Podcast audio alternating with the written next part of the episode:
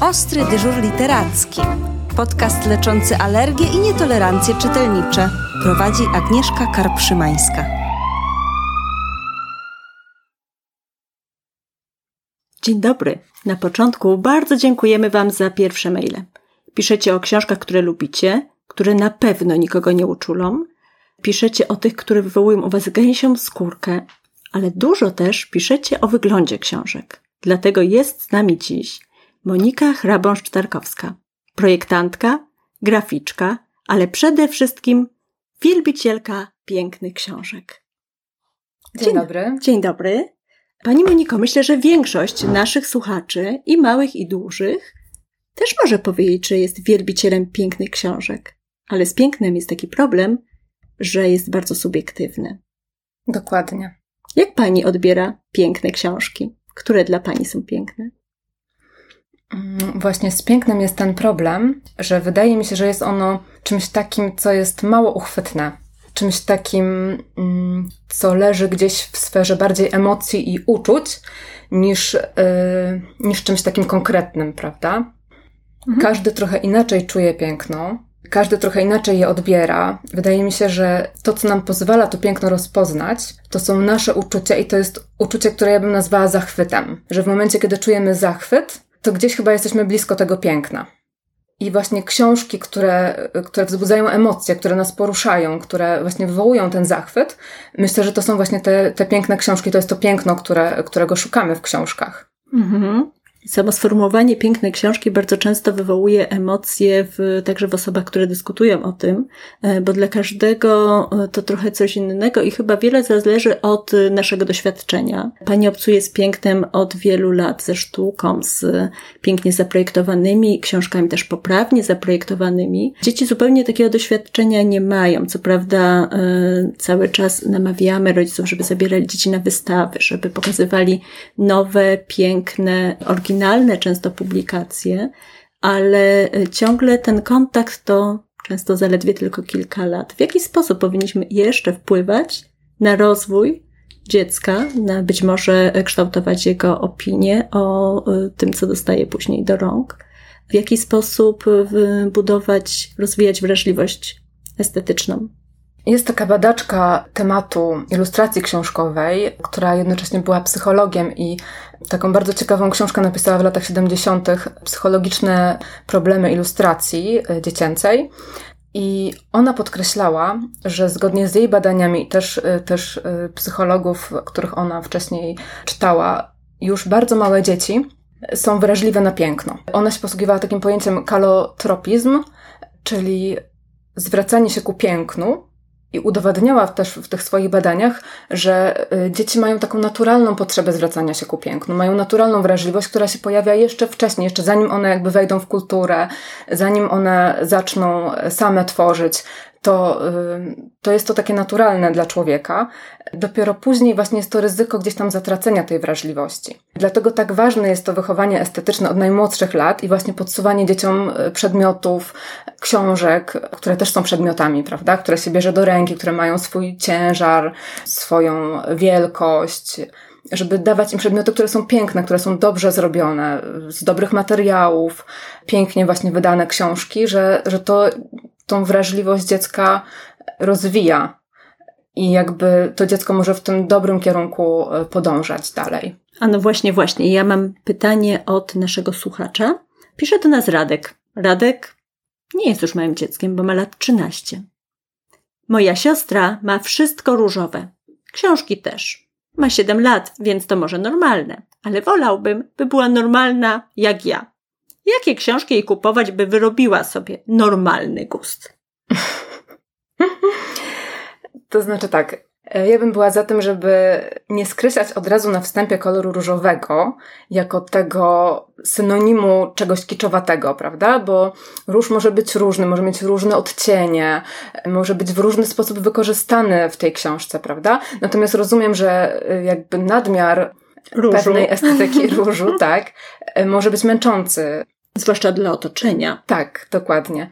Ja myślę, że każda tak naprawdę interesująca, wciągająca książka, e, którą ten chłopiec mógłby podsunąć swojej młodszej siostrze, która wcale nie musi być różowa, jeżeli ona będzie wystarczająco interesująca, jeżeli będzie zrobiona z pomysłem, jeżeli będzie jakoś wciągała do środka tą siedmiolatkę, będzie dowodem na to, że nie musi tam być koloru różowego, żeby, żeby jej się to podobało. Mnie się wydaje, że jest mnóstwo takich książek. Przyszła mi do głowy książka Astrokot, mhm. która jest o kocie astronaucie. Jest pięknie wydana, pięknie zaprojektowana. I y, jednocześnie pomyślałam sobie, że y, takie dziewczynki w wieku 7 lat bardzo często lubią koty, więc może to jest jakiś pomysł, y, który ten chłopiec może gdzieś tam potrzepnąć siostrze, tak? To prawda. Ja w ogóle bym chyba obejrzała te książki różowe, drogi Radku, i sprawdziła, o czym one są. Bo może jedna jest o księżniczce, druga może mówi właśnie o kocie. Może trzecia jest o czymś jeszcze zupełnie innym może o marzeniach. I może warto znaleźć książki, które mają nieco inną estetykę, ale mają te same tematy. Dokładnie. Które też mogą zainteresować w podobny sposób tą dziewczynkę, a, a reprezentować jakieś inne wartości estetyczne, prawda? To prawda, ale chyba y, nie warto od razu y, negować normalności gustu. Bo czy istnieje w ogóle coś takiego jak normalny gust, skoro zauważyłyśmy na samym początku, że każdy z nas lubi coś innego i inaczej sztukę odbiera? E, no właśnie z gustem jest zawsze problem, prawda? O gustach się nie dyskutuje.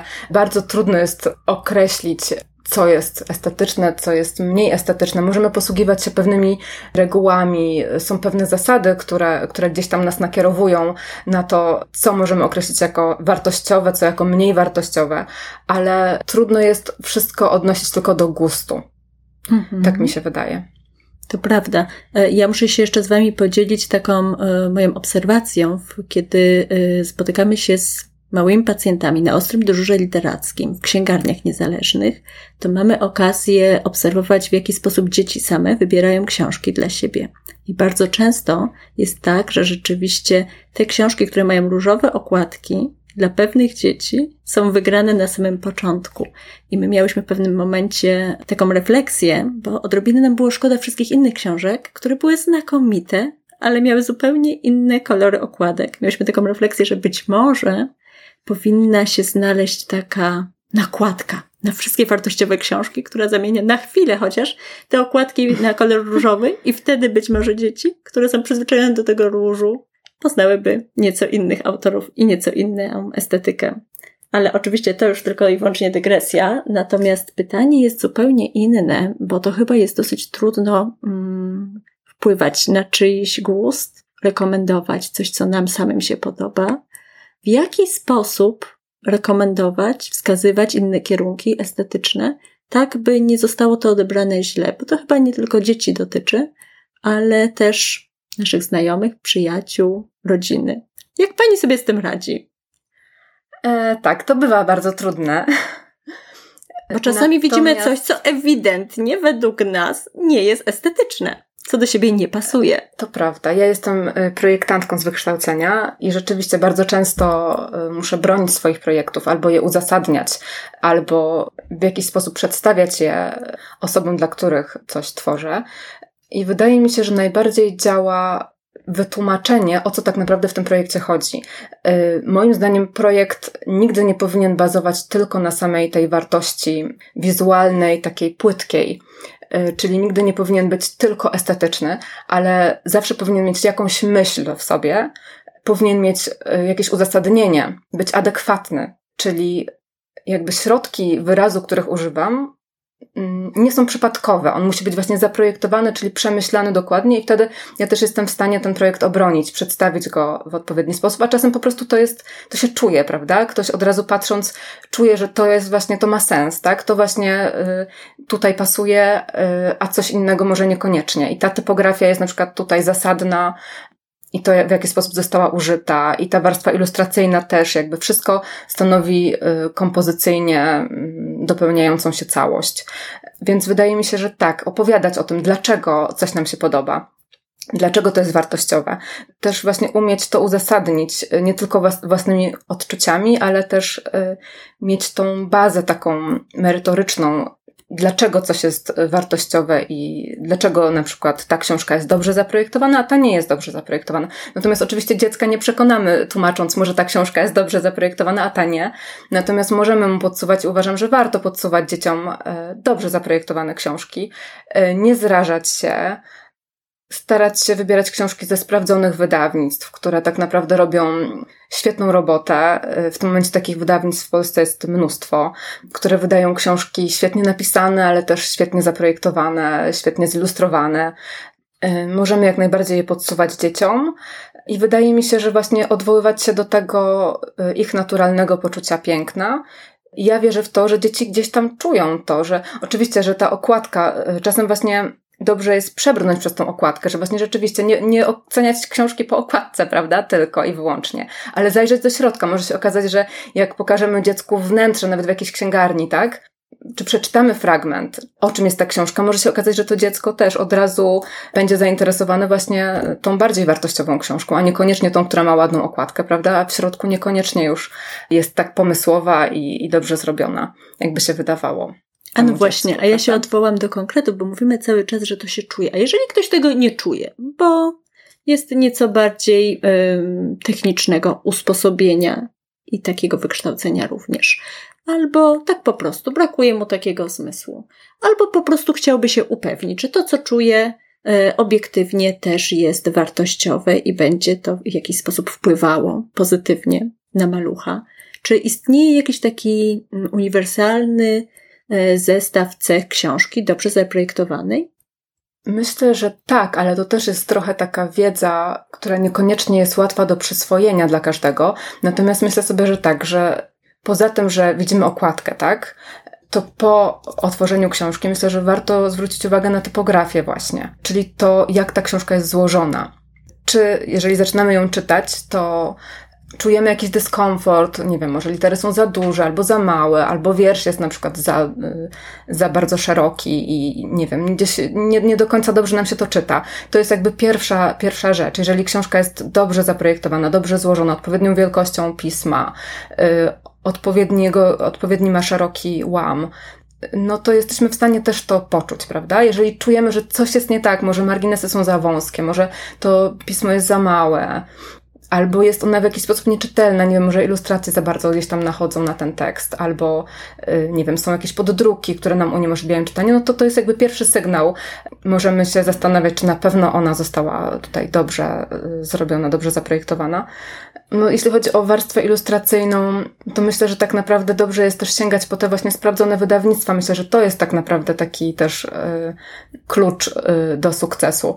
Sięgać po wydawnictwa, y, po których spodziewamy się właśnie wysokiej jakości tych wydań książkowych. To są wydawnictwa, które są nagradzane często na różnych, w różnych konkursach. To prawda, też... takie konkursy chyba mogą być dla nas cenną podpowiedzią. Zdecydowanie. Jest konkurs organizowany w Polsce y, Polskiego Towarzystwa Wydawców Książek, który tak naprawdę nieprzerwanie y, nagradza książki co roku od paru dziesięciu lat.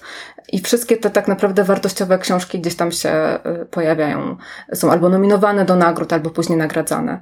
I też, prawda, nasi ilustratorzy, projektanci zdobywają międzynarodowe nagrody, czy na targach książki w Bolonii, czy, czy w innych konkursach międzynarodowych. To też jest na pewno mm, sygnałem dla nas. No i są też księgarnie takie, które, które właśnie promują te, te właśnie małe wydawnictwa, e, które stawiają właśnie na jakość e, książek. Ale czy to oznacza, że duże wydawnictwa nie posiadają świetnych publikacji? Oczywiście, że posiadają.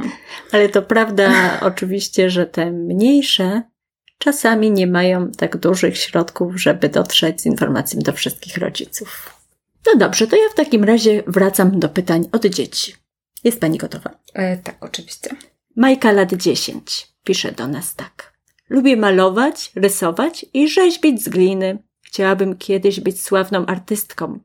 Czy są może książki o sztuce i byciu artystką? Oczywiście y, są takie książki.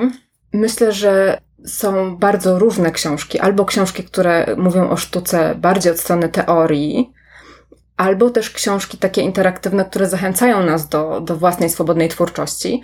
I myślę sobie, że warto jest sięgać i po jedne, i po drugie. Jest na przykład bardzo ciekawa książka Gwiaździsta Noc Vincenta i inne opowieści, która odnosi się właśnie do historii sztuki i mówi y, w bardzo ciekawy sposób o, o, różnych najważniejszych dziełach, w taki sposób bardzo przystępny dla dzieci, snując po prostu historię, jak dany obraz powstał, jaka, jaka historia za nim stoi. Myślę, że, że warto od tej strony gdzieś tam ugryźć ten temat, ale też y, sięgać po takie książki, które odsyłają bardziej do sztuki współczesnej, na przykład Sztuka Małżeństwa Mizielińskich. Ona przedstawia dzieła, które są już mniej szablonowe. Nie, to nie są, niekoniecznie są rzeźby, to niekoniecznie są obrazy wiszące na ścianach, ale właśnie bardziej sztuka konceptualna, czyli bardziej interaktywna, bardziej y, zmuszająca odbiorcę do jakiejś reakcji, właśnie poruszająca emocje, wykorzystująca jakieś już zastane obiekty albo przetwarzająca rzeczywistość. Jakby myślę, że to jest świetna książka, y, która otwiera dzieci na bardzo wielowymiarowy świat sztuki. I też zachęca właśnie do własnej sztuki, do własnych eksperymentów ze sztuką, do własnej twórczości, niekoniecznie szablonowej, niekoniecznie tylko rysowania, ale bardziej właśnie zastanawiania się nad tym, dlaczego coś jest, po co coś jest, jak można jakoś rzeczywistość przetworzyć, pokazać ją w inny sposób. I też jeszcze y, wspomniałam o tym, że są książki, które są interaktywne z założenia, to znaczy y, zachęcają dziecko do tworzenia wręcz na łamach tychże książek. Jedną z takich autorek jest Marion Deuszar, która e, stworzyła cały cykl książek. E, między innymi zostało wydane w Polsce Zróbmy sobie arcydziełko. I to jest naprawdę genialna książka, moim zdaniem, która mm, jakby zachęca do tej aktywności rysunkowej, ale na mnóstwo różnych sposobów. Do wycinania, odciskiwania czegoś. Są tam elementy właśnie i teorii sztuki, i różne, jest mowa o różnych narzędziach, o różnych technikach. Dzieci są zachęcane na przykład do y, rysowania poprzez odciski palców albo, albo różne, właśnie wykorzystywanie różnych narzędzi, robienie kleksów. W bardzo ciekawy sposób ta książka jest zrobiona i myślę, że jest bardzo taka rozwijająca i ciekawa. Mhm. A ja mam w takim razie takie bardzo osobiste pytanie. Jakie książki dla dzieci Panią najbardziej zachwyciły? Książki dla dzieci, które mnie najbardziej zachwyciły. Bo czasami jest tak z tą literaturą dziecięcą, że nie tylko dzieci są nią zainteresowane. Znam bardzo wielu rodziców, którzy kupują książki dedykowane dzieciom dla siebie do własnych biblioteczek. I nierzadko bierzemy taką książkę w swoje dłonie i czujemy absolutny zachwyt. A co więcej, potrafią one mówić prawdy o życiu, które do nas przemawiają nawet czasami wyraźniej niż do naszych małych pociech. E, to prawda. Są oczywiście takie książki. To jest tak, że. Może jacyś autorzy? Ilustratorzy? tak, jest ich, jest, jest ich tak dużo, rzesza. że ciężko tak. wymienić. Ja na przykład pamiętam z własnego dzieciństwa, że mnie poruszały ilustracje Tuve Jansson do mm. Muminków. I to są takie, które gdzieś tam właśnie, mm, gdzieś tam przebłyskują mi z, z mojego dzieciństwa. Natomiast mm, Później, kiedy moja córeczka się urodziła, ja zaczęłam wracać właśnie do takich książek z dzieciństwa i odkrywać je na nowo. Odkrywać tych wszystkich ilustratorów, których gdzieś tam właśnie pamiętałam. Na przykład z tej serii y, Poczytaj mi mamo, która, która mi towarzyszyła również i y, która jest niesamowita w ogóle, jest totalnym ewenementem, bo była wydawana y, od lat 50. przez prawie 40 lat i to był taki format kieszonkowy i bardzo ekonomiczny, natomiast tam naprawdę świetni ilustratorzy y, y, tworzyli te książki i tak samo świetni, świetni literaci, więc to były takie y, ekonomiczne, PRL-owskie książeczki dla dzieci, a jednak y, były bardzo wartościowe właśnie od strony takiej estetycznej. I powrót do tych ilustracji sprawiał mi bardzo dużo przyjemności właśnie później, kiedy, kiedy mm, próbowałam też y, mojej córce gdzieś tam te same książki y, pokazywać co spotykało się z dużym zainteresowaniem też z jej strony. I wśród tych ilustratorów na pewno y, mogę wymienić Józefa Wilkonia, którego mm, takie bardzo impresjonistyczne, y, ekspresyjne ilustracje, bardzo malarskie, naprawdę bardzo były poruszające dla mnie, kiedy odkrywałam je właśnie na nowo, już, już będąc dorosła. I y, pawie wiersze, na które wtedy się natknęłam, po prostu niesamowita książka gdzie właśnie on operuje akwarelą, którą rozlewa na wiele różnych sposobów i po prostu to te mm, przechodzenie barwy w inną barwę i to wszystko, no po prostu trzeba to zobaczyć. Natomiast też od strony takiej e, projektowej bardzo sobie cenię, e, ceniłam i cenię książki zaprojektowane przez Bogdana Butenkę, które były po prostu, jeśli chodzi o typografię, w ogóle projekt książki e, w mistrzowski sposób zrobione. On był mistrzem traktowania książki jako bytu totalnego, projektował je począwszy od okładki, e, przez wyklejkę, strony tytułowe, aż do samego końca. Tam w każdym miejscu tej książki dało się znaleźć jakiś jego rysunek, jakąś jego twórczość, jakiś pomysł, jakiś dowcip. Były przemyślane w każdym detalu, w taki sposób e, zrobione, że otwierając książkę, jakby wchodzimy w ten świat, jesteśmy prowadzeni od właśnie tej wyklejki, okładki, aż do samego końca i jakby tam nie ma żadnego przypadku. Wszystko jest zaprojektowane. Nawet strona redakcyjna, wszędzie, wszędzie on każdy element książki w jakiś sposób przetworzył, mm, dopasował do treści tej książki, więc, więc tutaj jakby nieustannie się zachwycam tym spojrzeniem jego na książkę. A co ze współczesnymi ilustratorami, z takimi właściwie młodymi artystami polskimi? Bo w tym zakresie też mamy ogromne sukcesy. Oczywiście, że tak. Tutaj na przykład Emilia Dziubak, prawda, która robi naprawdę nie, tak. niesamowite mhm. rzeczy i, i to są po prostu zachwycające e, książki, które ona ilustruje. Mamy mnóstwo, mnóstwo ilustratorów. Tak naprawdę mam wrażenie, że ta mm, polska szkoła ilustracji na nowo rozkwita w ostatnich latach. E, znowu jest tak, że ilustratorzy zdobywają nagrody na międzynarodowych konkursach. No wychodzą naprawdę piękne rzeczy. A czasami zaskakujące. I zdarzają mhm. się rodzice, którzy otwierają książkę i dziwią się. Czy to na pewno książka dla dzieci? Mhm. To prawda. Są często poruszane tematy też trudne. A ja mówię nawet o estetyce. Mhm, mhm. Pamiętam taką sytuację, gdy rodzic otworzył książkę, która nie była w kolorach różowych ani pastelowych, która była w kolorach czar, czerni i bieli i spytał, a czemu ta książka jest taka brzydka? Co by Pani odpowiedziała takim rodzicom?